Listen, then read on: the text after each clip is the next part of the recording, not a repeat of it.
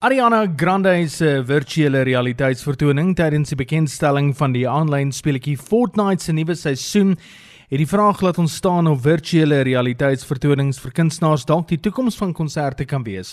Die bekendstelling wat deur miljoene mense aanlyn gevolg is, was 'n reuse sukses met Grande wat in 'n groen skerm in 'n ateljee haar vertoning gelewer het terwyl grafiese kunstenaars die res gedoen het. En Twitter oorweeg om die veranderings wat hulle aan hulle toepassings gemaak het om te keer. Die maatskappy het verlede week 'n nuwe skryfteks en kleurskema bekend gestel, maar na verskeie gebruikers van die toepassing begin gekla het van kopseer as gevolg van oormatige skermtyd, het die maatskappy gesê hulle sal nou in die week wat kom kontrasveranderings aan die knoppies op die skerm begin maak om dit ligter op die oog te maak.